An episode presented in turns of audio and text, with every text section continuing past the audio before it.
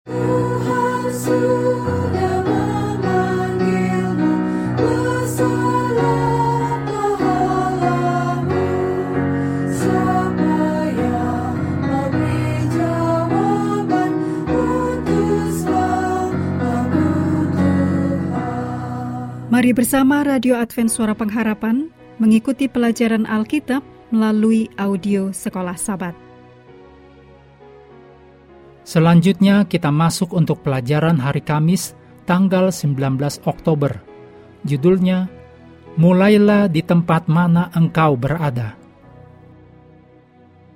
Mari kita mulai dengan doa singkat yang didasarkan pada 2 Petrus 1 ayat 10. Karena itu saudara-saudaraku, berusahalah sungguh-sungguh supaya panggilan dan pilihanmu makin teguh. Amin.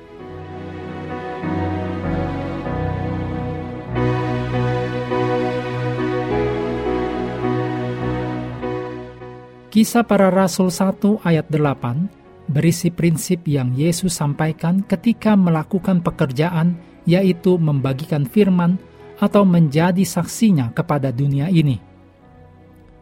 Ini adalah prinsip yang ditetapkan oleh Yesus yang menunjukkan kepada kita bagaimana kita harus bertindak seperti murid-muridnya yang memiliki kabar baik untuk dibagikan kepada orang lain. Membagikan kebenaran bukan tentang bagaimana meyakinkan orang-orang betapa bersalahnya mereka, tetapi tentang Yesus, sebagaimana yang digambarkan dalam pekabaran tiga malaikat dalam Wahyu 14 ayat 6 sampai 12. Namun, ada beberapa prinsip dalam kata-kata Yesus yang disebutkan dalam kisah para rasul 1 ayat 8. Yang pertama, kamu akan menjadi saksiku di Yerusalem. Sebagaimana kita telah lihat, tetapi tentu sangat baik jika diulang. Kita harus menjadi saksinya di tempat di mana secara fisik kita tinggal. Hal ini bisa termasuk rumah kita, gereja kita, lingkungan tetangga kita, dan komunitas kita.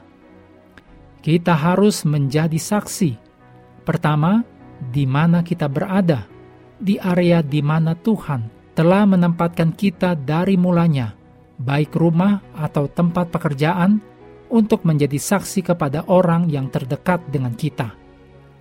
Hal ini bisa merujuk kepada keluarga dekat, keluarga jauh, orang-orang gereja, teman kerja, tetangga, dan komunitas. Terkadang Orang-orang hanya tertarik untuk pergi ke negara yang jauh dengan kebudayaan yang baru untuk menjadi saksi Yesus, tetapi mereka tidak bersaksi kepada orang-orang di sekitar mereka sekarang. Kita harus memulai di mana kita berada dan bergerak dari sana sesuai dengan tuntunan Tuhan bagi kita. Selanjutnya yang kedua, Kisah 1 ayat 8 menuliskan di seluruh Yudea dan Samaria dan sampai ke ujung bumi. Sekali lagi, Yesus menegaskan kenyataan bahwa bersaksi itu termasuk menyeberang melintasi batasan-batasan budaya.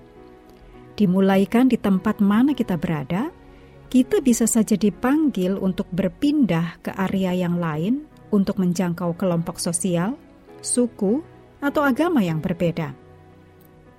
Jika kita merupakan bagian dari sebuah suku atau bahasa dari kelompok orang tertentu, mungkin mudah bagi kita untuk menjadi saksi bagi mereka karena hanya terdapat penghalang kebudayaan yang lebih kecil terhadap salib.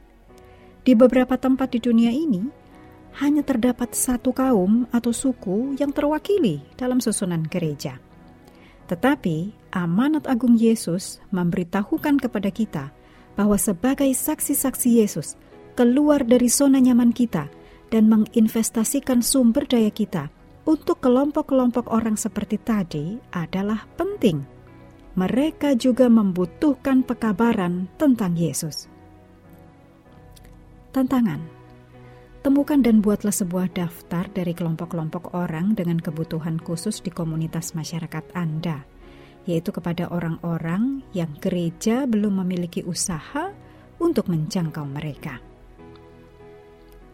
Tantangan lebih besar, mulailah berdoa untuk sebuah kesempatan di waktu dekat ini agar Anda terlibat dalam misi bagi orang-orang dengan kebutuhan khusus.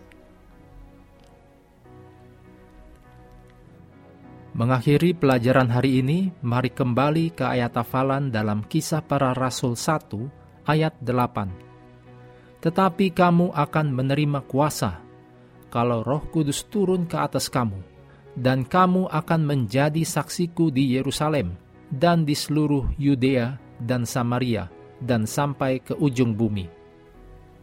Kami terus mendorong Anda mengambil waktu bersekutu dengan Tuhan setiap hari – baik melalui renungan harian, pelajaran sekolah sahabat, juga bacaan Alkitab sedunia, percayalah kepada nabi-nabinya, yang untuk hari ini melanjutkan dari Amsal 16. Tuhan memberkati kita semua.